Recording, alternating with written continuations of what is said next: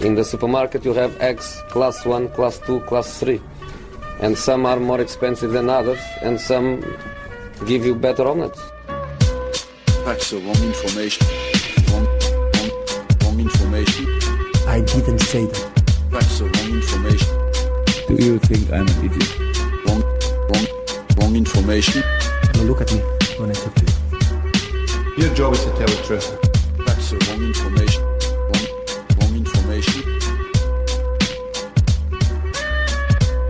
Då hälsar vi er hjärtligt välkomna till Sillypodden. Det är tisdag idag, eh, en dag försenad än en vanlig Sillypodd-dag. Och tacka, det kan vi göra Andreas Lillhannes för, eller?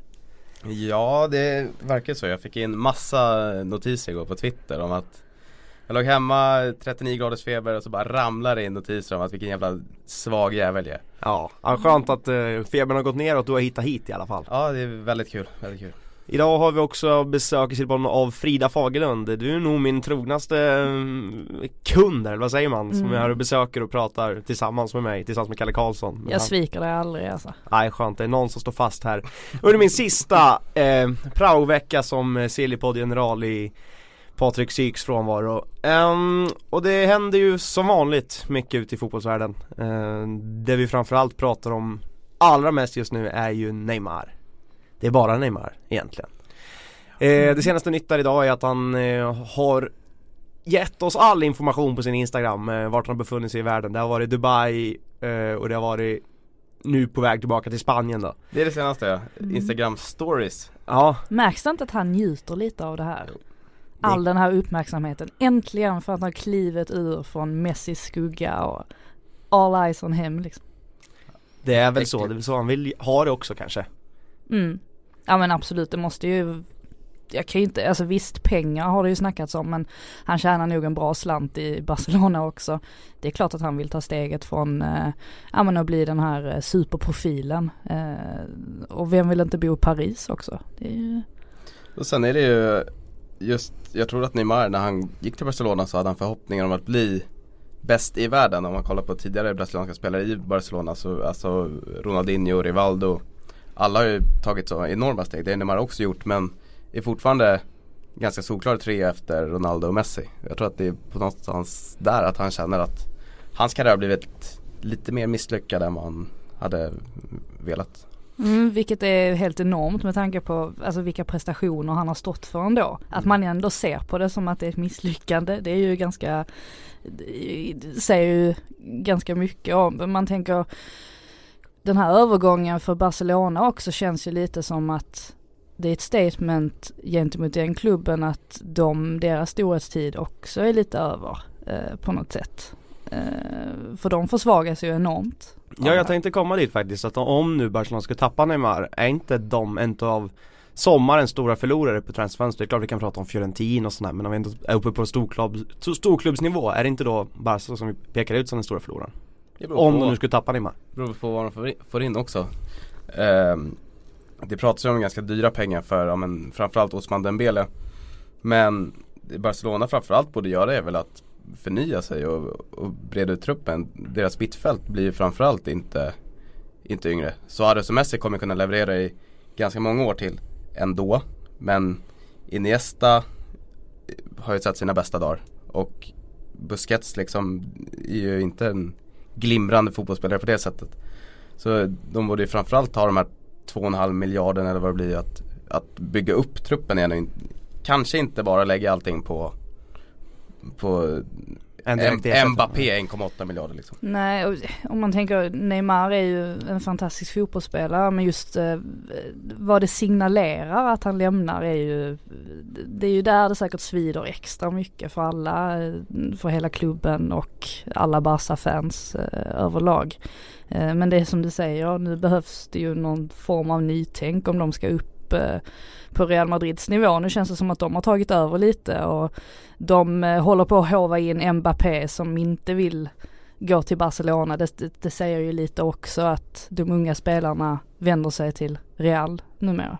Men hur mycket ska vi tyda av det här liksom individuella då? För nu är det ju Neymar, vi hade Pogba i fjol som lämnade ett Champions League finallag i Juventus för Manchester United som inte ens var Champions League Nu har vi Neymar som lämnar stora Barcelona för PSG och vi kan inte säga att chansen att vinna Champions League-titel större i PSG. Är det bara det här individuella att vinna Ballon d'Or och kunna kliva ur Messis skugga som gör att han flyttar? Eller vad tror vi? Ja men det tror jag. I det här finns det fallet. någonting annat som lockar? Pengarna förstås. Ja pengar, självklart. Det är väl ehm, Hans pappa är väl hans rådgivare på något sätt va? Och Det det, verkar ju som att han, han är ganska pengakåt överlag. Det var väl han som ville att Neymar skulle stanna i Barcelona till den 31 så att han skulle få den här lojalitetsbonusen på flera hundra Ja, miljoner. 250 miljoner ungefär. Ja. Liten enkel. Små pengar. Eh, små Ja. pengar, fick pengar. Eh, nej men så det är klart att pengarna spelar in men eh, i det här fallet så är det väl främst att han vill han vill, eh, han vill bli det, mm, vad säger man, festens mittpunkt eh, ungefär. Från en liten, liten fisk i en stor damm till en stor fisk i en liten damm. Oerhört vacker metafor. Ja, verkligen. Nej, Det måste vara feberfrossa på den kan det inte vara så då att Neymar faktiskt eh, vill någonting med sin fotbollskarriär också? Att det som vi sitter och pratar om, att Mm. Barcelona är på dekis, att han också känner det? Absolut, få en liten utveckling, alltså en liten nytändning. Eh, för det, han, han kanske känner att han har eh, lärt sig allt han har, alltså han har säkert lärt sig otroligt mycket om Messi och att spela med honom och Suarez men att han känner att han är fullärd och vill ta nästa steg nu. Jag tror ju tvärt, tvärt emot dig kanske, att PSG har större chans att vinna Champions League än vad Barcelona har just nu. Tror du det? Ja. Jag tycker fortfarande de har för mycket luckor i sitt, sitt hela sin startelva egentligen. Jämfört med Barcelona och Real Madrid och Bayern München. Vi pratar om dem. Ah, Jag tycker de dippar eh, otroligt. Jag menar, vi minns ju alla vad som hände när de, när PSG och Barcelona möttes nu i våras. Eh, där spelar ju PSG fullständigt ut Barca i första matchen. Så det är väl klart att de har potential eh, och kan ta sig vidare. Sen var det ju debaclet där på, på bortaplan men Ja. det var ju, det känns som att det var en match för sig. Att det, det är ju ingenting som är speciellt vanligt förekommande att, att ett lag lyckas vända ett sånt resultat. Det var ju helt, det var ju absurt. Men om vi ska prata om PSG då, hur, hur, liksom, hur bra tycker vi att de är? Om de får in Neymar nu? Är, är det liksom en av de två, tre favoriterna till att vinna Champions League nästa säsong? de blir inte sämre, det kan vi konstatera. Det, det är jag beredd att hålla med om Linus. Bra de, har, analys. de har ju behållit, eh, behållit det mesta. Hela centrallinjen är väl kvar. Visst, Ja. Thiago Motta har inte blivit yngre och Han står ju still och spelar fotboll nu. Och sen Ja, har man ju precis. Dani Alves som Precis. kommer in och bidrar med jättemycket, framförallt erfarenhetsmässigt. Och Cavani stänker in mål. Mm. Di Maria finns kvar, Maria- än så länge. Än så länge ja. Draxler dippar väl lite mot slutet. Han var ju riktigt bra stundtals eh, under säsongen. Ehm, men där är ju givetvis mycket, mycket kvalitet i honom också. Mhm. Rabiot lär väl bli kvar va?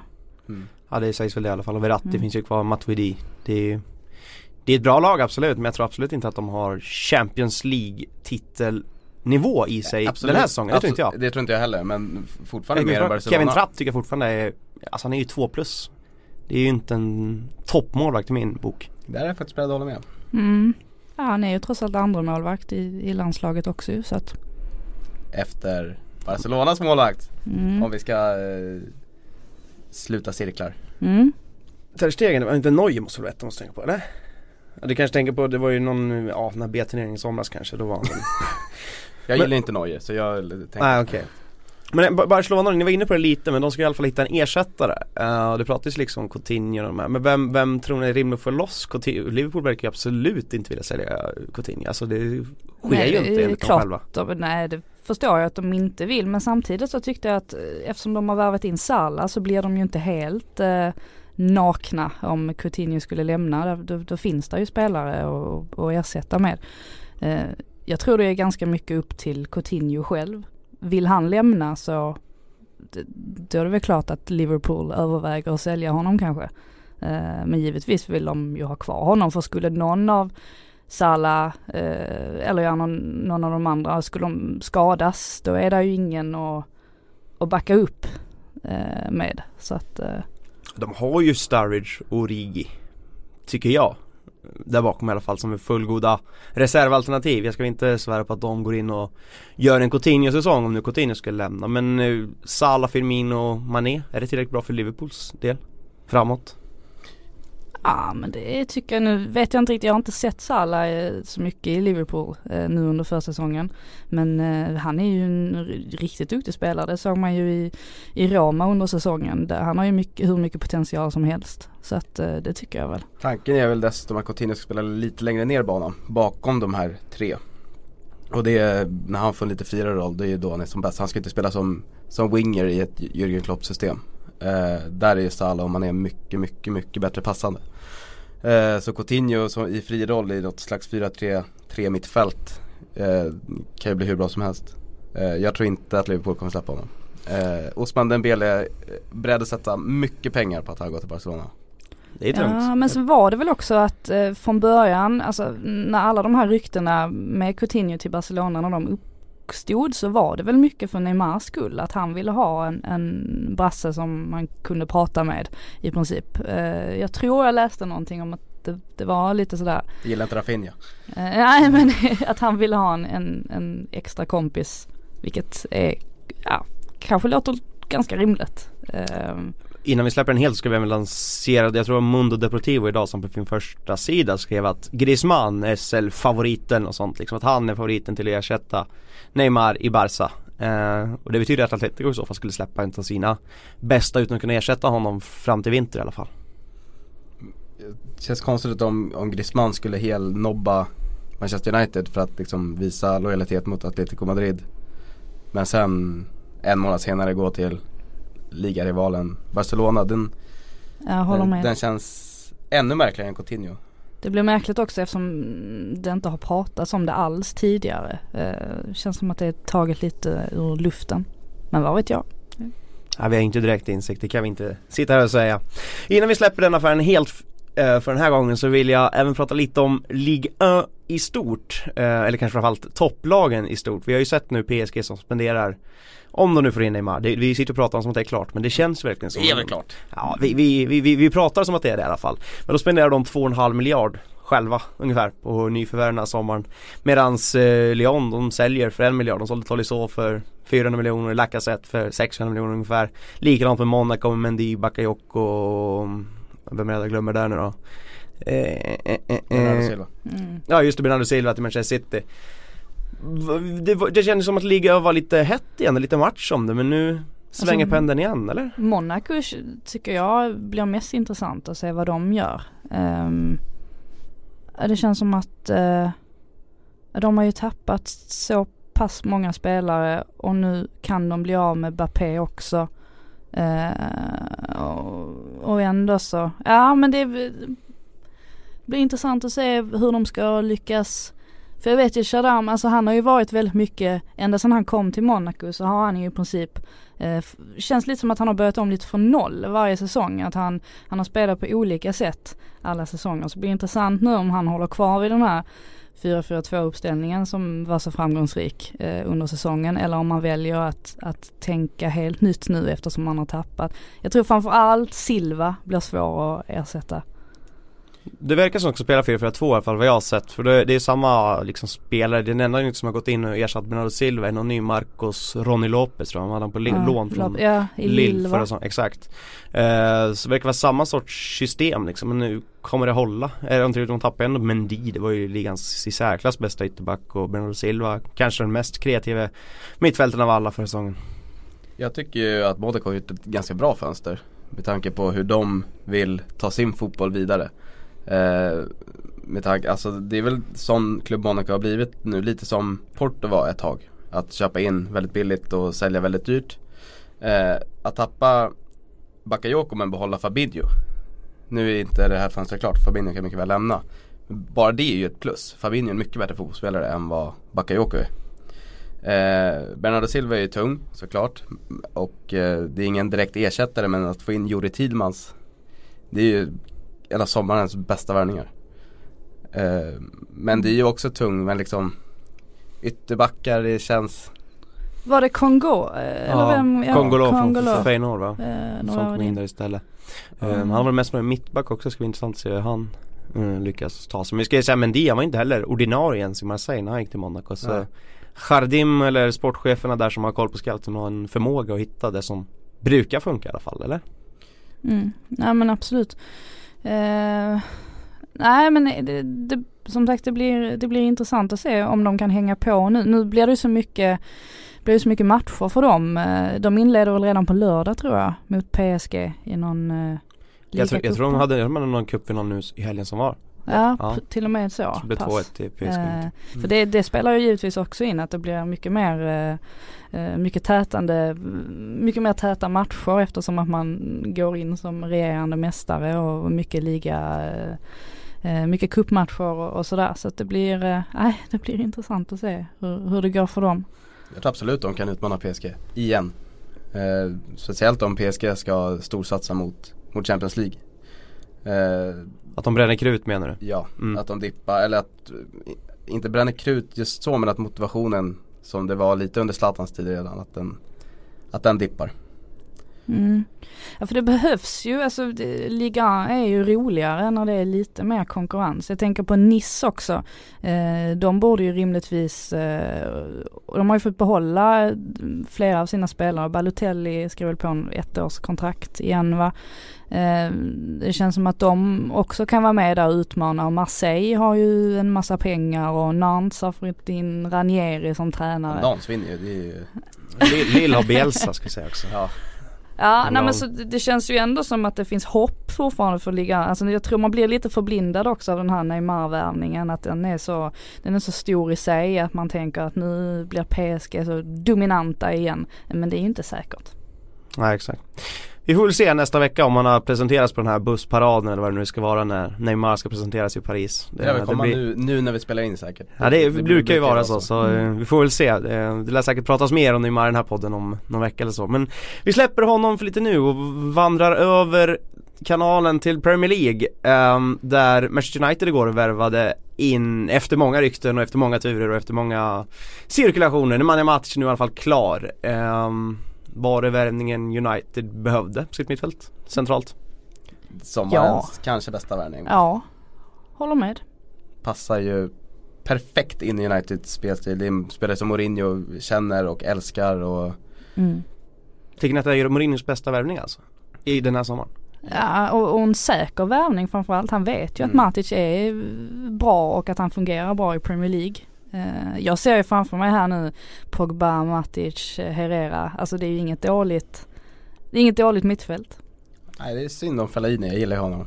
Det blir, men det är ju alla vettiga människor förstår ju att det är ganska bra uppdatering att gå från Fellaini till, Mm. till Matic. För det är ju samma roll som de kommer ha. Men sen kan det ändå vara bra att behålla Fellini. Jag tyckte ju Mourinhos eh, uttalande kring Fellini var riktigt skönt nu eh, eh, för några dagar sedan i samband med matchen mot Vålerenga. Att han, vad var det han sa? Att det är större chans att värva Mourinho än att värva Fellaini. Eh, så mycket vill han ju ha kvar Fellaini. Sen vet man ju aldrig. Han, han pratar ju rätt mycket strunt också. Eh, det har väl pratats om Galatasaray och, lite sådär.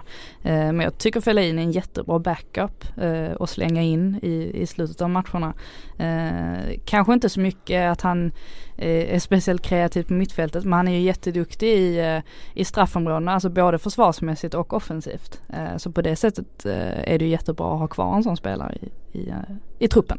Ja, jag som United-supporter är ju inte alls lika exalterad som jag hör när ni pratar. Alltså, det. Matic, det här, jag, tycker, jag tycker det är så tråkigt alltså. Det, det känns som ett sidled, det känns så tungt och tröttsamt och långsamt och så har vi Fellaini ska in på bänken.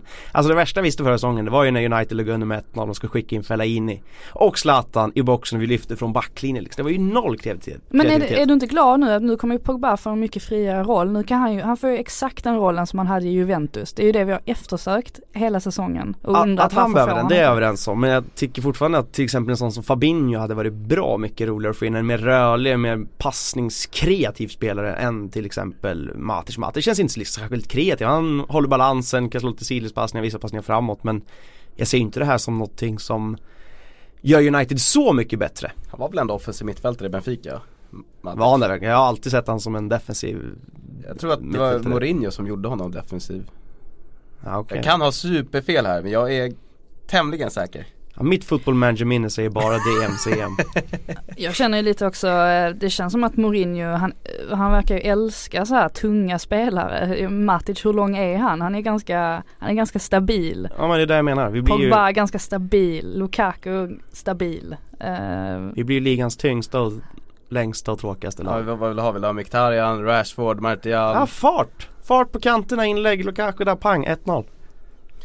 Ja, jag, jag tror att den här tråkiga bilden som du målar upp, den måste man ju ha i ett lag. Man måste ju ha tyngd och stabilitet i ett lag för att Mm. kunna ge de här kreativa spelarna lite, lite rum. Det inser jag också, vi kan inte bara ha en 1,50 spelare men det börjar bli för mycket av den här varan känner jag. Och det, det var det som vi led av så mycket för, nu pratar vi, eller mitt lag, men det- var det vi led av förra säsongen. Det var därför det blev 0-0 hemma mot Burnley och 0-0 hemma mot Hull och liksom alla de här skitresultaten. Förlust mot Swansea och ja, vad det nu var hemma. Så Ah, jag är inte alls så övertygad om att det här är rätt för United. Men Fabinho är helt oprövad. Alltså, sen, sen är det klart, man, man snör ofta in sig på eh, Jag tycker det finns ingen liga som, där man pratar så mycket om att eh, spelare som man vet om klarar av tempot och, och sådär i Premier League. Att alltid är bättre att få in en sån spelare. Det, det snackas det ju oftast om. Eh, men i det här fallet så, så kan jag nog eh, tycka så. Alltså det är, just, det är ju mer säkert att ta in Matic som man vet om besitter eh, ja men kvalitet och att han kan, eh, att han håller Premier League nivå än att ta in Fabinho som inte alls har den erfarenheten. Nej, Jag vet inte. Helt enig sida, helt. Ja, Nu är det två här, mot tufft. en här. Det var mycket bättre när man hade Kalle Karlsson här. Eftersom du har, du har. United-hjärta så vi kan säga 2-2, det väger upp lite tyngre än våra Ja. Ja det är sant. Ja om vi ska lämna det innan det blir allt för osams då så har i alla fall Chelsea då tappat Matic. Eh, De har ju Bakayoko som ersätter, de har ju Kanté och Fabregas kvar där. Men nu snackas det även om Danny Drinkwater ska in som någon slags ja, backup. Ska vi se det som det är? Det borde väl vara. Inte går för han in ta en ordinarie plats bredvid Kanté. Eller ska de kopiera supermittfältet från Leicester 2015-16? Ja, alltså Jag tänker så här med, med Conte att han är en väldigt intelligent tränare eh, och det känns som att nu nu börjar det komma in så jag, jag förstår liksom aldrig riktigt var han ska placera alla spelare och, och riktigt hur han tänker. Ehm, men Drinkwater, ja. Sen varför skulle, ja. Det känns som en homegrown värvning bara.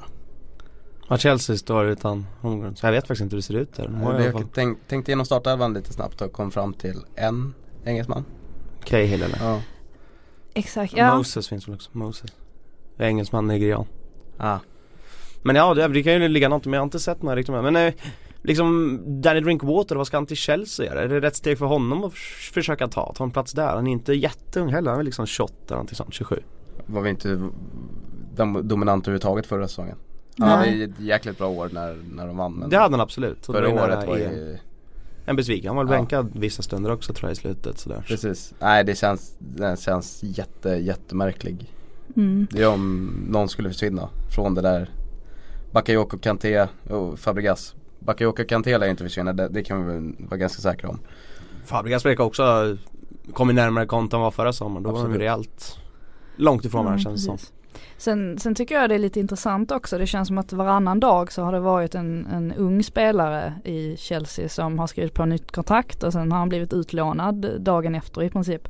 Eh, jag är lite förvånad över det, att, för jag tycker Conte, han har gjort sig känd som en spelare som är väldigt duktig på att eh, eh, ja, men utveckla spelarna eh, i, i de positionerna han vill, han vill ha dem. Men jag, jag tycker konstigt att han inte tittar liksom i sina egna led lite grann och, och kanske behåller någon, ja men typ Tammy Abraham. Hade det inte varit bra att ha honom på bänken och eh, Men Loftus är han utlånad? Ja, gick till Ja. Palace. Just det Det hade jag annars varit eh, ganska skräddarsytt Men, Ja. men, men tycker, ni, tycker ni att Chelsea måste ha fyra centrala mittfältare för att klara av Champions League och ligan och inhemska cuperna? Eller kan de klara sig på tre? Eller tre plus en egen liksom? Eller måste man ha in en Danny Drinkwater? Nej det måste man verkligen inte Speciellt inte han. Det måste ju finnas någon annan Som är bättre. Det måste finnas en, en, en eh, nu gör jag citattecken här, det är ju en podd, det är jättebra för det syns ju inte. Men en eh, citattecken, me- medioker spelare Det måste finnas någon annan, yngre eh, Bättre än den Drinkwater. Så jävla bra är inte han. Nej men det är det jag menar, varför tar man inte vara på sina egna, på det man har istället. Han är ju så duktig på, på att få mediokra spelare att lyfta sig. Det, Ja, vi släpper väl den då. Har du något svar? Varför värvar de Danny Drinkwater? De har jag, jag den, tror ju att de behöver, att Conte säger att de behöver fyra centrala, alltså erfarna, duktiga centrala mittfältare för att klara av ligan, Champions League och kanske satsa på någon inlandscup. Eh, de gick ju till fa Cup-final förra året i och för sig men ligacupen sket de väl i fullständigt. Mm.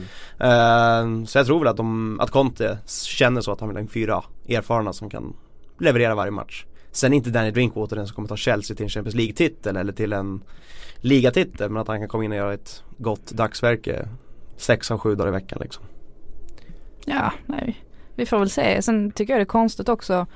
Eh, eller det beror väl på vad, vad Drinkwater är, vad han är ute efter. Men eh, trist också att vara någon sorts backup i ett lag när han nu trots allt är en ganska framstående spelare i Leicester. Visst, de var ju ett mittenlag eh, förra året, större delen. Eh, men ändå, nej jag vet inte. Ja, det finns ju det finns i alla fall lite logik för Leicester värvar in i Borra där som har kanske en ersättare eh, direkt Ja. till honom och de har ju inget Europaspel ta hand om i år. Ehm, om vi ska fortsätta på Leicester förresten, in, när jag ändå har en sån här segway nästan i luften så är ju Riyad Mahrez nästan klar för Roma sägs det nu. Det sägs, med lä- läkarundersökningarna har genomförts, det ska bara vara typ underskriften kvar. Eh, vi pratade lite om det förra veckan men Lillas du har inte sagt vad Känner du kring det här? En bra värvning av Roma eller? Ja, herregud ja. Tråkigt för, för Arsenal. Du hade sett honom där heller? Ja, det var, det var ju deras värvning. Har ju varit i två år. Ja men jag tänker Lemar, alltså då, då, då börjar man ju undra om inte den övergången kommer att bli av. För det känns som att annars borde de ha satsat betydligt hårdare på Mares. Eller? Ganska mycket dyrare med Lemar. Jo absolut men det spelar väl ingen större roll. Eller? Pengarna vill aldrig bli i Premier League, Nej. inte numera i alla fall. Nej, men jättebra värvning av Roma såklart. Det, det känns som att han kommer passa väldigt, väldigt bra i, i Serie A. Just Roma vet jag, eh, kan jag inte säga specifikt. Men i Serie A så tror jag att han kommer passa väldigt bra. Tråkigt för Leicester, såklart. Men de får in eh, Iheanacho. Ja det verkar vara en ersättare där, eller ja han är anfallare med kanske men Men det är ju en bra, jättebra värvning. ja, absolut. 250 miljoner sägs det väl. Läkarundersökning. Typ Mm. idag. Jag får se om han får någon, lite för att han nådde ju inte upp i den han var ju briljant då när Leicester vann den säsongen. Eh, och han var ju en av de hetaste spelarna förra sommaren på marknaden. Mares då, Mm. pratar jag om. Eh, Inte Iheanacho. Inte. Eh, men sen den här säsongen så har han väl inte, det har ju inte, det är ju hela Leicester som inte kom upp i den nivån såklart. Eh, men det blir ju onekligen intressant att se om han kan komma upp i den nivån igen. Det känns som en perfekt ersättare för Mohamed Salah i alla fall, för Romas eh, skull liksom. Ja, De behövde väl någon. till och med lite, lite bättre. Det känns som att eh, ah, där håller jag inte med. ah, Jag tycker Salah är otrolig, jag har ju rankat honom som Premier Leagues bästa nyförvärv. Ja, eh, jo, jag har noterat det i diverse pluslistor. eh, men eh, jag tycker Mahrez är en mycket mer mångsidig fotbollsspelare än vad Mohamed Salah är. Tveksamt, vi får väl se. Ja, ja, vi släpper den. Uh, jag bry- Oeniga idag känner jag. Ja verkligen, det var ingen bra avslutning på den här tiden som Silly-vikarie för Patrik Syk.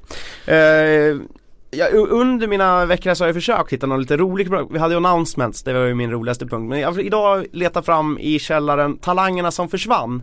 Eh, som vi ska prata om, jag har ingen aning vart vi ska landa där riktigt men jag kunde inte hålla mig när jag såg att Freddie Adu eh, hade gjort klart med en ny klubb och jag, jag ska faktiskt ta och kolla upp den exakta stavningen här. Sandeja Novi Sash, polska högsta ligan. Vad har vi på dem? Eh, ingenting mer än att jag vet att tränaren absolut inte vill ha Fred Edu där. Det där var ju en jättemärklig historia. Ja, Han var ju arg. Han var ju riktigt förbannad. ja vi kan väl ta det. det var, alltså Fred Edu blev inbjuden på ett provspel utan tränarens vetskap. Och tränaren ringde, stod upp av någon tidning och frågade, ni ska Fred Edu på provspel? Han bara, nej nej nej.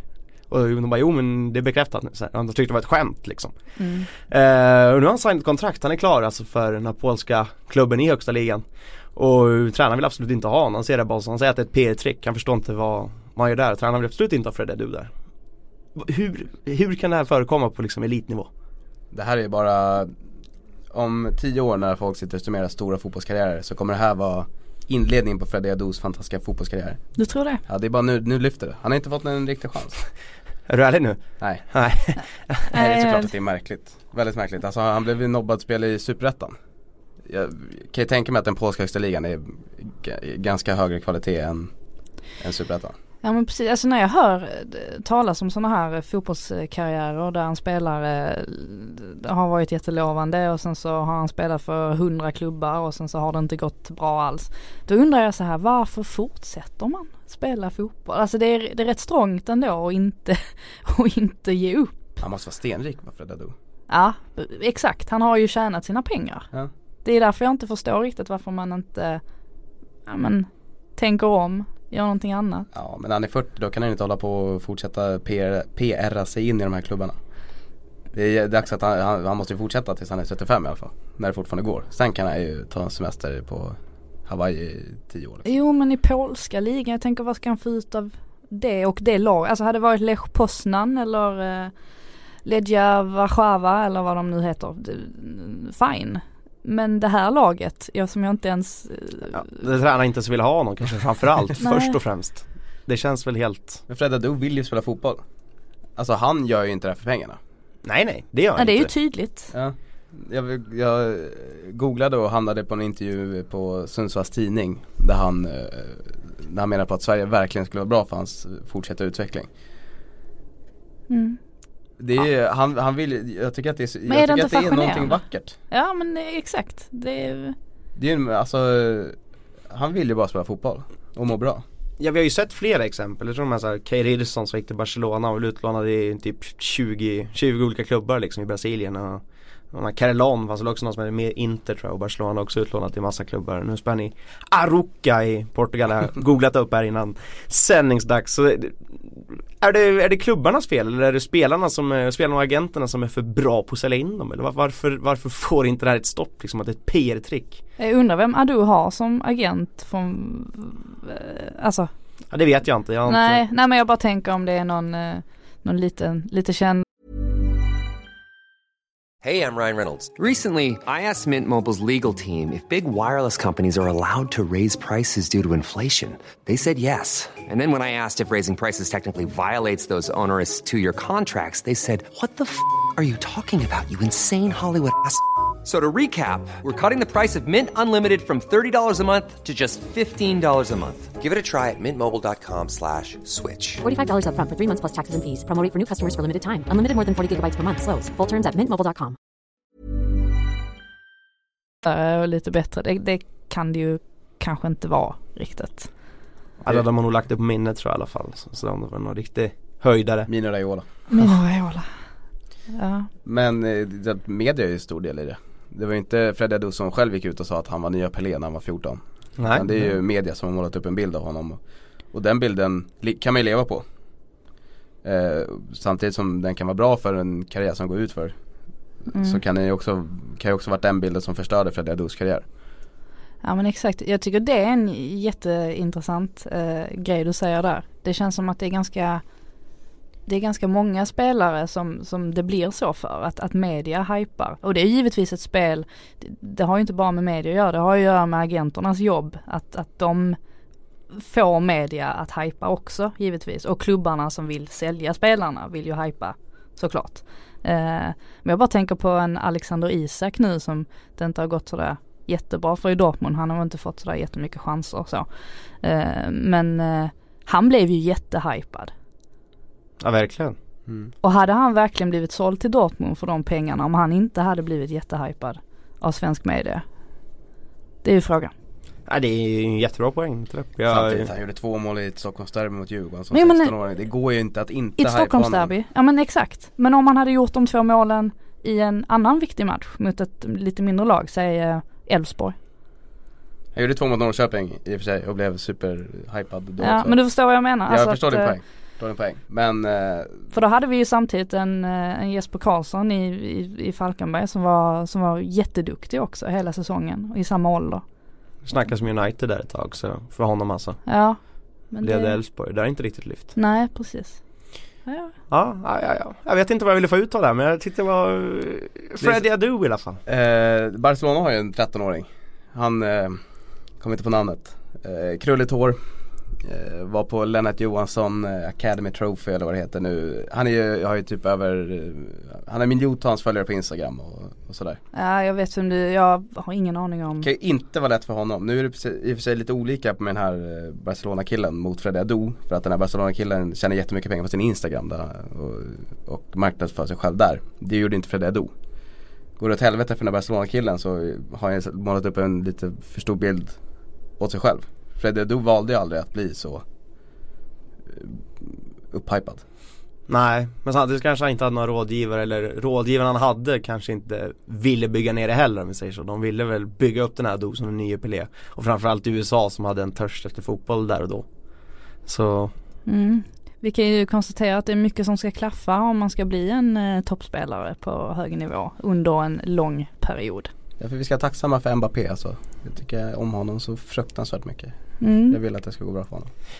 Ja, ah, vi släpper Freddy Adu för den här gången. Jag tror inte han dyker upp så många fler avsnitt eh, inom de kommande fem avsnitten i alla Vart fall. han Men däremot dyker upp i september det är ju på nya Fifa. Första gången han är med på Fifa sedan Fifa 14. Vi går Stort. vidare, vi går vidare lilla Stort. Eh, Tyskland har jag fått eh, klara instruktioner om att vi ska prata om idag. Eh, det är Frida Fagerlund som har bett om, kan vi prata om Hoffenheim? Det jag har sett är att de har, eller värvat- de har lånat in Serge Gnabry här för en eller två veckor sedan. Eh, I övrigt har de tappat Syle och Rudi till Bayern München. Det är alltså som vanligt att Bayern värvar de bästa från de näst bästa klubbarna. Um, Mm. Ja men vi pratar ju, vi glömmer ju oftast av Bundesliga eh, lite grann. Eh, så det är väl kul att prata, prata om den tyska ligan. mm. Eh, och det, nu, nu har det ju snackats väldigt mycket om eh, James till eh, Bayern München och det pratas väldigt mycket om Bayern München. Eh, men så finns det ju, Sanchez där också. ja men exakt, Ja. men så finns det ju de här lagen bakom som är precis lika intressanta. Och där är ju Hoffenheim som tog en sensationell fjärdeplats i Bundesliga förra året. Eh, de är fortsatt intressanta eftersom de har ju fått behålla ganska många av sina spelare. Det var ju, ja, Syle och Rudi blev ju klara för Bayern redan i januari. Så de, eh, de visste man ju att de, de eh, skulle bort. Eh, men samtidigt så har man en eh, Sandro Wagner som har skrivit på ett nytt kontrakt och som du säger Gnabry in. eh, Som Bayern lånar ut. Det är också intressant. De verkar ju inte se Men det tyder väl på en maktdemonstration känner jag. Här, Ja. ta honom, vi, vi behöver honom Ja, inte. men exakt, jag tänkte säga det också. Det tyder ju på att de kanske inte ser Hoffenheim som Nej, en eh, nej. superutmanare. Å andra sidan så var ju Hoffenheim ett av tre lag som var obesegrade på hemmaplan under hela säsongen. Och har ju trots allt Tysklands absolut hetaste tränare just nu, Nagelsmann. Eh, Fyllde 30 här nyligen. Väl? mm, för, Jag vill bara tillägga här att Frida sitter alltså och namedroppar alla de här utan att ha varken papper eller mobil. Jag tycker att det är ändå ganska imponerande. men det blir så, jag, jag är ju lite, när man snöar in på någonting då blir man så fascinerad och så Du får sälja in ligabibeln här. Det är köp ligabibeln. Men hur har, hur har Hoffenheim nu då, expert Fagerlund? vad sa hur bra de är? Ja, Eh, nej men eh, eftersom de har fått behålla större delen av laget så, så är det väl klart att de eh, fortsatt eh, kommer vara med där uppe och, och fighta. Så nu hamnar de ju, de var ju nära att ta en direktplats till eh, Champions League men nu blev det ju kvalplats ändå i, i slutändan. Ehm, men med Nagelsmann, alltså det, det är lätt att säga så att eh, det känns som att när det kommer in en tränare som är så pass mycket yngre än alla andra så, så blir han överhypad per automatik. Men eh, det är så många röster, både spelare och eh, ja men andra som Ragnik till exempel som har gått ut och sagt att den här killen han, han, kommer, han kan bli den bästa tränaren någonsin i hela världen. Och det känns som att går man ut och säger så då måste det ju vara någonting speciellt med honom. Eh, och han var ju också den första tränaren i Bundesliga som började köra med en eh, trebackslinje. Det är också lite mm. lite intressant. Eh, Så det märks att han är nytänkande och innovativ. Men det som också är kul med Hoffenheim det är ju att helt plötsligt i Bundesliga så har man två lag, både Leipzig och Hoffenheim, som egentligen är superhatade i, ja, men i hela Tyskland. Eftersom att de, Bundesligans svar på AFC Eskilstuna. i, exakt, exakt. Man kuppa in sin hemstad Där här fick också. du, fick du in AFC också. Det är inte så att. AFC är allsvenskans svar på Leipzig. Nej, tvärtom är det. Precis. Nej, men det är också lite kul att, att eh, helt plötsligt så har man, eller kul, nu, usch, nu kommer jag få jättemycket hat, hat. för att jag sa att, att det, är kul. Nej men det, är- det är också lite intressant att se den utvecklingen i Bundesliga, att man helt plötsligt har ett till lag som är med där uppe slåss. Men är det, inte, är det inte lite farligt att tränaren är så pass mycket, jag vet inte, inte större men han, är- han är ju liksom en stor stjärna. Vi har sett liksom Monchi i Sevilla tänker jag. Liksom, nu försvinner han och det känns som att Sevilla inte har någon liksom klar utstakad väg som ska hända efteråt. Och det kommer finnas ett liv efter Nagelsmann också liksom. Det är så jag tänker. Och vad kommer hända då med Hoffenheim? Om han försvinner? Jo det, det har ju snackats om att eh, givetvis alltid Bayern som är och rycker Mhm. i, i allt bra i, eh, i Bundesliga. Men det verkar inte som att Nagelsmann eh, han verkar väldigt prestigelös själv. Det, det känns inte som att han vill hävda sig eh, på något sätt. Eh, och det är ju ingen citatmaskin direkt som, eh, ja, ja, men som Mourinho eller eh, ja, vem som helst. Eh, utan han känns väldigt intelligent och väldigt smart och eh, också väldigt välutbildad. Eh, så att nej det är problemet. Jag, jag tror inte att det är väl vi utomstående som ser honom som större laget, eh, större än laget i så fall. Jag tror absolut inte att han gör det. Vågar man säga att han är Bundesligas Graham Potter? det ja men på ett sätt så kan jag förstå vad du menar faktiskt för, och hålla med. Eh, men det är ju den nytänkande biten i så fall. Hur gammal är Potter förresten? Han är måste ju vara, Han är inte så ung tror jag. han måste vara över 40. Ja. Ja. Jag vågar inte gissa. Vi släpper de allsvenska eh, kopplingarna nu. Jag vill bara få in Graham Potter. Ja, Han det är älskar fint. honom. Jag kan tillägga att jag hade kunnat prata om Hoffenheim i flera timmar men jag, jag ska sluta. Ja, jag, jag, jag har inte så mycket mer att tillföra Hoff- Hoffenheim heller. Jag, jag vet att de har en tjeckisk ytterback där, Kader Abek som jag gillar. Men i övrigt så har jag inte så mycket mer. Men det är ju rätt sa intressant jag ändå att, att, att Leipzig, eh, eh, att de verkar få behålla sina spelare. Alltså då, det betyder, alltså återigen, Bayern har ju inte kunnat köpa sönder dem heller. Känns som att det är fler utmanare i Bundesliga nu än vad det har varit på väldigt länge. Men det kanske bara är, Mm, nej, jag håller inte det. Jag ser, alltså det, jag, jag ser ju som att det finns inget annat lag som kan vinna Bundesliga säsong än Bayern München. Uh, så känner jag.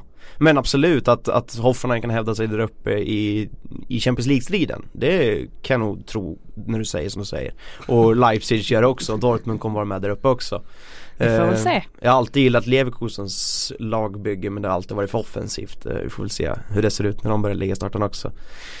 Ah, ja, vi släpper Bundesliga eh, för den eh, den här gången och eh, går istället in på frågor. Eh, absolut, bra punkt. Eh, fortsätt ta upp. Sympati. nej, nej, nej, nej. Det var, det är för lite Bundesliga, jag håller med. Anton Ståhl vill i alla fall prata med Premier League för han undrar hur skulle ni ställa upp Citys 11 med tanke på alla nyförvärv och överflöd av mittfältare? Det där eh, satt jag och tänkte på häromdagen. Eh, Högerback, högerback, högerback, högerback. Jo men det, det första, först tänker man ju Kommer de spela med en fyrbackslinje eller en trebackslinje? För Guardiola sa väl senast för några dagar sedan att han kommer vilja köra trebackslinje. Det lär väl variera, det är väl så jag känner, det har väl alltid varit Guardiola, han, han är inte rädd för att testa en trebacks i vilken match som helst. Men jag, jag ser väl att det är ganska tydliga Tydlig en fyrbackslinje ser jag faktiskt. Ja, men det- Mendy jo, och det- Walker. det gör man ju. Ja, det Mendy och inte, det är inte Walker. överflöd av mittbackar i City. Nej de har Nej. egentligen bara tre väl, det är Otamendi, Mm. Kompani och Stones. Mm. Och Det är klart att alla de två tre- är skadade hela tiden. Mm, ja exakt. Och sen blir det intressant att se var han kommer att placera Silva. Jag ser väl, om, om jag ska börja då som programledaren här ska försöka leda så jag, jag ser det här som ett 4-1-4-1 Vi har ytterbackarna Walker men det är centralt så är det åtta män, du är med den som är skadefri eller minst sämst av Stones Company.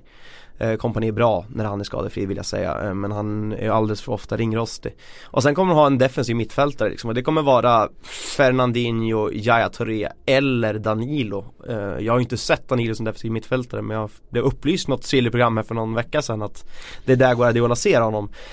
Och sen ett offensivt mittfält, då är det ju Bernardo Silva och det är David Silva och det är De Bruyne och det är Sané kanske då Till vänster.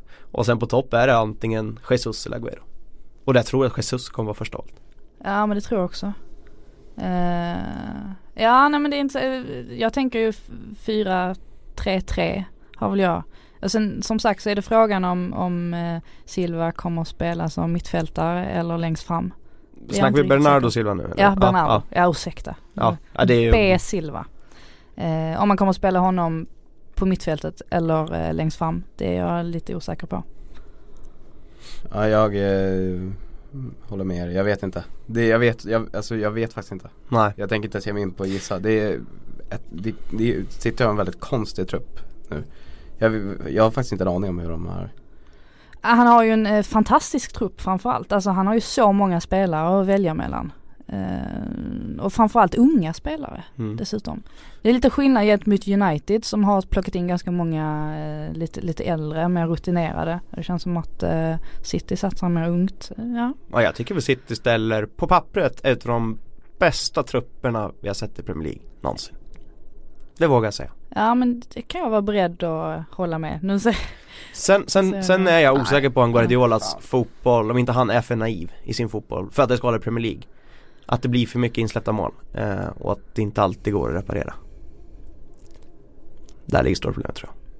Ja men absolut. Ehm, ja, men om man tänker om man ska jämföra med, med hans tid i, i, i Barcelona, det han inte har lyckats med i City, så som jag tänker, är ju att, eh, ja men till exempel en sån som Busquets i Barcelona, det känns som att han inte har lyckats hitta en spelare som, som, eh, som är lite som honom som droppar ner liksom och eh, han hade behövt en Busquets i, eh, i stor Absolut. form. Vi kan väl konstatera att Danilo inte är den spelaren i alla fall. Nej och sen Vad nu tanken är, än är med Danilo. Nej, Danilo, så som jag fattat det så är väl han en backup fast på många positioner. Att han kan både vara ytterback och central mittfältare. Eh, Men ja, jag vet inte heller vad... Ja för de har ju släppt alla andra ytterbackar, de släppte ju samtliga fyra. Sabaleta, Sagna, Clichy och Kolarov. Så det är tänkt att Danilo kanske ska funka både till vänster och höger. Som ett backup-alternativ. Mm. Ja intressant blir det. I alla fall, hur som helst. Eh, vi går vidare i frågefloran här. Jonathan Tengvall. Blir det någon in till Spurs nu efter Pochs kommentarer efter City-förlusten? Han sa alltså att vi ligger efter i transferfönstret, vi måste ha in något. Typ så. Eh, och så det blir väl någon in och då ska ju vi placera ut vem. Och ni får inte säga Lemar för jag tror vi har sagt honom i tre raka poddar nu. Har vi sagt Lemar till Spurs? Ja i alla fall alternativ. Fast den vi, den vi kanske ska lansera mest är väl Ross Barkley. Ja, jag tänkte precis säga. Ja. Barkley tror jag på. Eh, känns som en, eh, Eh, en spelare som, som kan passa in ganska bra i Spurs för att de behöver, de behöver verkligen ingen sån här profilvärvning. Eh, Ross Barkley, alltså skulle han komma in i Spurs så kommer inte han in som någon, eh, alltså han förväntas ju inte bli någon sorts eh, profil i, i den elvan. Eh, de har så pass många bra offensiva spelare. Men däremot så tror jag att han hade kunnat smälta in ganska bra eh, och bidra mycket med sin kreativitet. Eh, han gjorde väl inte så många mål förra säsongen men han bidrog ju till, till många. Eh, en playmaker. Ja och det jag ser där, det är väl att det kanske finns också en plats i Spurs startelva. Heung Min Son är inte given, fast han gjorde jättebra förra säsongen när han var som bäst liksom, de bästa stunderna. Så jag kan säga andra halva av säsongen.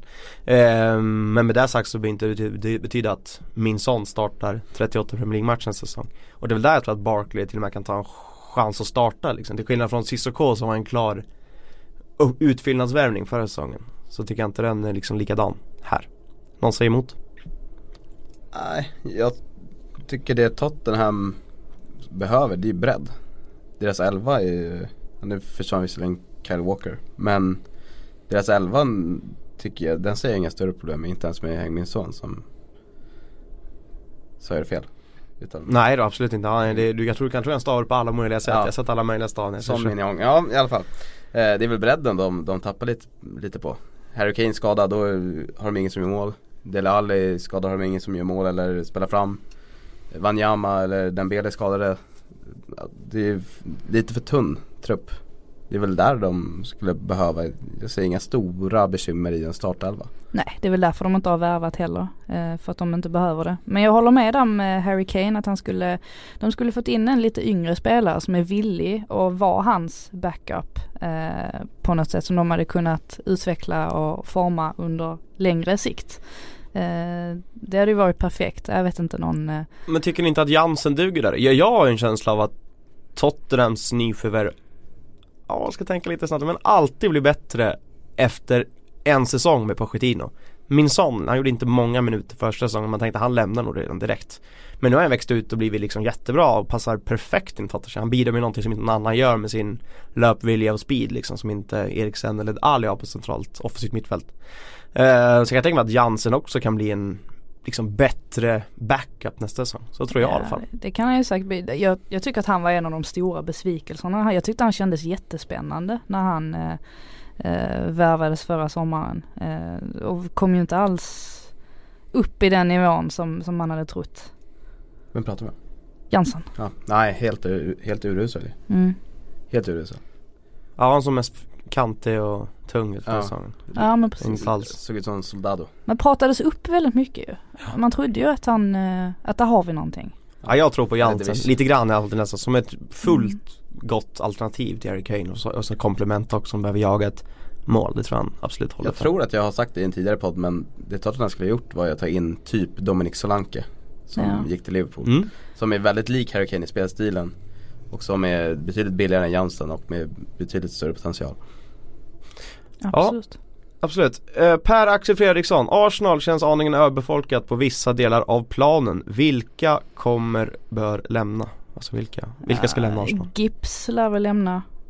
Ja det måste han ju. El Nenni har väl det också pratats om. De skulle ha honom till mittback har jag sett däremot. Inte, grann. kommer nog inte Okej. lämna, det, det är svårt att se. Ja, det, ja, jag tyckte bara det pratades om att han eh, Oxlade lär ju lämna. Om inte nu så väldigt snart. Jag tycker han känns lite svår. ehm, ja, om det blir så eller inte. Ehm, men sen, eh, ja, vilka har vi mer? Perez är på topplevel lämna va? Ja, Känns det väl som. ja, han fick ju inte behålla sitt tröjnummer nu. exakt. Så att det, Jag tror det, Och Kerstin Löfven. Problemet med Arsenal är väl, jag tycker inte att de är överbefolkade för vissa positioner. Det är bara att kvaliteten är ganska låg. mm, Om man hade kapat det lite och värvat in klassspelare istället. Då hade det liksom ja, Arsenal står ju ändå i, mitt, i, i november och har för lite spelare. ja men absolut. Men eh, där måste jag också framhäva eh, Kolasinac. Han kan ju vara en av de bästa värvningarna Absolut, nu i sommar. enig. Eh, så som han har sett ut under försäsongen. Grymt imponerad av Han honom. kan spela mittback och wingback och vanlig vänsterback. Ja där har de gjort det. Jag trodde inte riktigt, jag hade inte sett honom så mycket eh, innan eh, värvningen offentliggjordes och tänkte väl att ja, en klassisk Wenger eh, värvning på något sätt. Eh, men att gå på fri transfer eh, och vara så här bra. Wilshere ska ju bort också såklart. Ja precis. Han behöver väl ta nästa steg. Sampdoria va, pratades det om. Ja. Han skulle hamna Det är i. heta klubbar där nu. Vi var inne på det förra veckan. Eh, Fredrik Blåman, är Matic sista pusselbiten för att United på allvar ska ut om ligatiteln eller tror ni det krävs någon ytterligare värvning? Nej! De är klara. Ja League. men Guld. eh, vill de inte ha en eh, Perisic. liten, eh, en liten Persic också? Vill ha. Men de behöver inte. Kanske. Nej, eh, alltså där, det, så att jag tänkte på också, var rätt märkligt att Mourinho aldrig har varit intresserad av att värva Sanchez. Som alla andra klubbar, eh, Alexis Sanchez ska tilläggas. Eh, det känns som att han är en betydligt bättre version av Persic. Eh, men ändå i samma ålder. Nej jag vet inte. Mourinho och Wenger. Mm, det är väl kanske det där som eh, Vad tycker programledaren? Om Alexis Sanchez till United, Nej, om frågan. om Uni- United ska få in någonting? Ja. Ja då eh, ser, jag ser ju inte ett behov av Perisic egentligen men jag ser att Perisic är den sista spelaren som kommer komma in. Jag tror ju inte det ligger någonting i till exempel Serge Aurier till United. Det känns som att högerbackar har vi ganska gott om. Är det någonting så så är det vänsterback. skulle det vara i så fall. Eh, det snackas om att Aurier ska kunna spela där också men jag vill ju se ett vänsterfotalternativ. Jag har aldrig gillat Men har- det verkar väl som att Mourinho har eh, börjat tro lite mer på Luke Shaw nu. Eh, Ja lite grann så har vi Blinda men Darmian finns ju också men det är, det är ett högerfotalternativ. Jag ser ju Darmian som en högerback men Mourinho verkar säga mest som en vänsterback ändå så. mm. Det skulle kanske vara en mittback som Det är inte ett eh, superprövat och erfaret mittbackspar i Vigge, Ah. Vigge och Bailey. Det, det, det växer ut, det växer ut med tiden. Ja vi får se. Ja, jag tycker väl i så fall vänsterbackspositionen eh, att den eh, känns inte som de har haft en, en stabil vänsterback sen Evra nästan. Eh, mycket skador och mycket fram och tillbaka där. Ja nej precis Jag, jag ser väl också kanske att nu när Martial har varit så bra så behöver jag, behöver inte Perisic Jag gillar inte det snack som har gått om att Perisic och vi ska skicka Martial på lån till Inter till exempel med utbyte. Den, det ser jag som en försvagning av Uniteds lag. Jag tycker det är konstigt att man har lagt- ner så mycket tid och kraft på Persic framförallt. Eftersom Mm. att den eh, övergången har förhalats. Hade man fått in honom direkt, eh, ja då, ja fine. Eh, men nu har det gått så lång tid och eh, tagit så mycket energi att det är nästan lite märkligt att Det han, verkar som att Mourinho verkligen, verkligen, verkligen, verkligen vill ha honom. ja men precis. Ja, ja möjligt. Zlatan då? Han blir klar i januari Jajamän. Mm. för United. Om inte vi leder ligan och inte vill störa någon truppharmoni eller något sånt. Vi får se. Vi går vidare. Eh, tyvärr blir det mycket Premier League. Även Det är mycket Premier League-frågor. Jag försöker leta här men jag har svårt. Men det här är i alla fall lite eh, åt andra hållet. Kan Wenger göra en Özil Alexis och rea-shoppa lite i PSG nu när Neymar kommer in och det blir liksom alldeles för många offensiva mittfältare i, i PSG? Eh, och vilka hade då varit bra för Arsenal? Men har du inte pratat om Lukas? Jo. Eller? Det har jag gjort lite grann. Eh, Rabiot hade jag velat se i Premier League också. Rabiot. Just offensiva mittfält är inte den positionen Arsenal kanske har störst behov av. Men, eh, och, och, tänker Wenger spela tre trebackslinjer så är inte Lukas en super wingback. Ja det får man tänka som en av de tre offensiva tänker jag i Ja. så fall. I Arsenals nya system vi ska kalla det. Ja, nej, jag vet det är ju kanske eh, Pastore. Ja. Villig att lösa om, om vi snackar rea. Ja, men tveksamt om man Ja. kunde liksom gjort Arsenal bättre. Det är väl Nej. Alltså Pastore är väl, eh, det finns det någon spelare som är så upp och ner som honom. Som kan göra så briljanta matcher och sådana botten napp också. Nej han behöver ju vara den stora stjärnan för att Det är Maria då? Ja men Di Maria ska väl till Barcelona nu? Ja, kanske. Som ersättaren för Ja men det Neymar. var väl en exchange där att han skulle komma på köpet. Var det inte så? Ja det jag läste snack, det är väl snack om alla möjliga lösningar men den har ju funnits i flödet och framförallt så har Di Maria och Messi goda kompisband som ska underlätta den flytten också har jag läst så Mm. vi får väl se vart det landar. Men Di Maria det var intressant det kan vi säga men eh, jag tror inte han landar i Arsenal om han flyttar i sommar. Det tror jag inte. Den som skulle passa bäst in i Arsenal av de då som är realistiska det är ju Rabiot. Ja Rabiot och Lucas Moura. Det inte säkert att frågan, Lucas Moura hade gjort Arsenal så ja. mycket bättre men i alla fall Det är ganska lik Walcott känns det. Mm. Jag tror nog Rabiots mamma är för knepig tror jag för att Ja. han ska flytta dit. Hon har nog begärt en sån sjuk lön att de, eh, det hade strandats. Ja, eh, vi tar några frågor till innan vi stänger igen uh, mitt sill i fönstret innan stryker tillbaka. Så har Viktor Jakobsson frågat, vilken är fönstrets hittills mest oväntade övergång? Han själv röstar för Bonucci. Och då får inte ni säga Bonucci, ni får säga någon annan. Den ligger ju högt upp, absolut. Jag tycker väl egentligen att Neymar, även om det har snackats om, om en flytt till PSG ganska länge lite så här löst, så trodde man väl knappast att det skulle hända. Eller?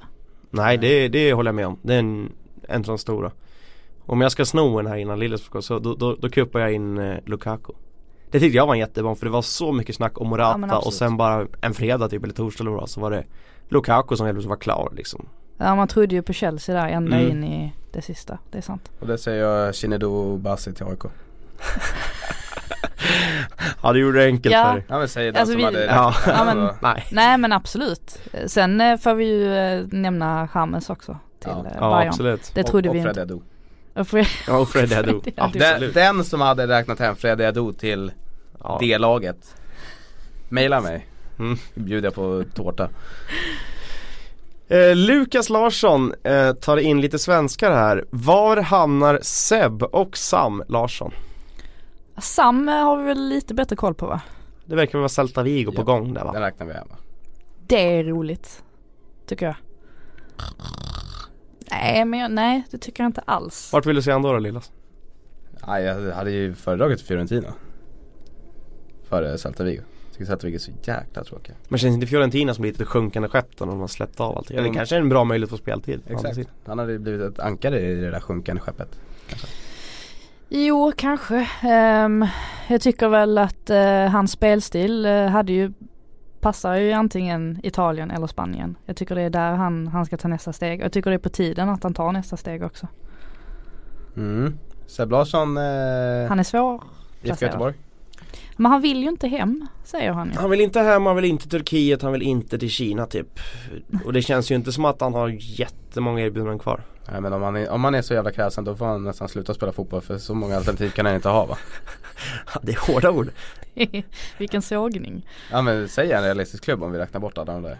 Ja men då, då landar vi någonstans i en Jag League. i Championship. Ja jag, Ja. Landar, jag landar ändå i typ Ja, typ Newcastle.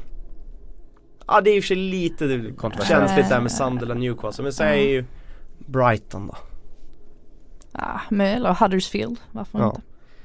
Någonting sånt. Ja det är svårt men eh, absolut. Vi kan, vi kan väl konstatera att det, det är nog inte jättemånga erbjudanden just nu.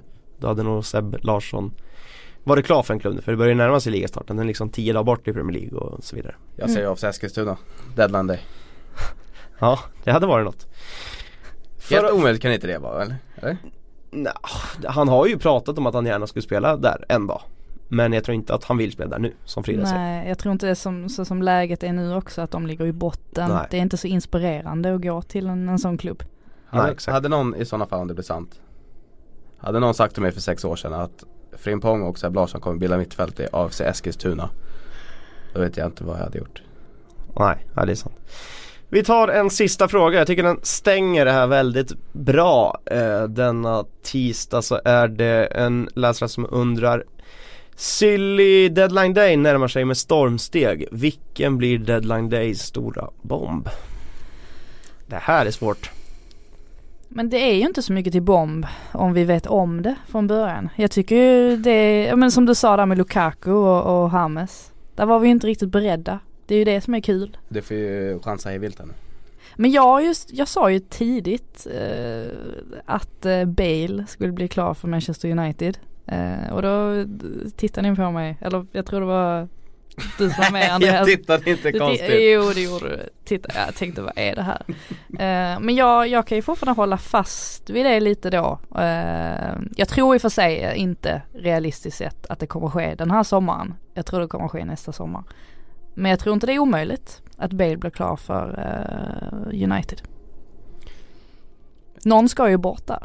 I Real. jag, jag säger det, det realistiska Det är att uh, det blir en ganska tråkig deadline day Tyvärr För att det har skett så mycket ganska tidigt Uh, Om jag ska säga någonting Så säger jag Marco Verratti till Barcelona och om jag ska eh, önska tänka så säger jag Kylian Mbappé till Arsenal Ja, det det, kan vi glömma. Det kan vi avfärda direkt. Nej. Eh, jag kan väl säga det, det blir Griezmann till eh, Barcelona på deadline day.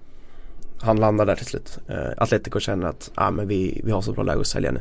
Vi klarar ändå en Vi klarar ändå en uh, Champions League-plats och vi behöver inte riktigt vara med och utmana ligan nu.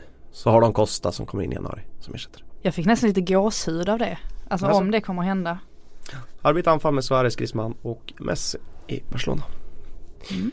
Bra! Eh, då får ni ha ett stort tack eh, och jag är glad över att få återlämna det här sjunkande skeppet eh, till Patrik Syk igen så vi kan få ordning på skutan igen. Med Liverpool Eh, mer Liverpool, ja, det var lite Liverpool-snack här nu. Eh, nästa vecka så kan jag garantera att vi kommer prata om Naby Keita här i podden. Eh, vi kommer säkert prata om någon vänsterback också som ska in i, bakom eh, Robertson och Moreno ska säkert vara en idiot. Van nästa Dijk vecka också. strejkar han eller vad? Ja, han ska till Liverpool också. Allt ska in till Liverpool. Eh, nästa vecka så är alltså Patrik Syk tillbaka. Eh, vi får se vilka han väljer som sina eh, experter i eh, den här panelen. Eh, jag får i alla fall tacka Frida och Andreas Lillands för idag. Och Tack för att ni har lyssnat så hörs vi kanske igen om en vecka. Tack så mycket!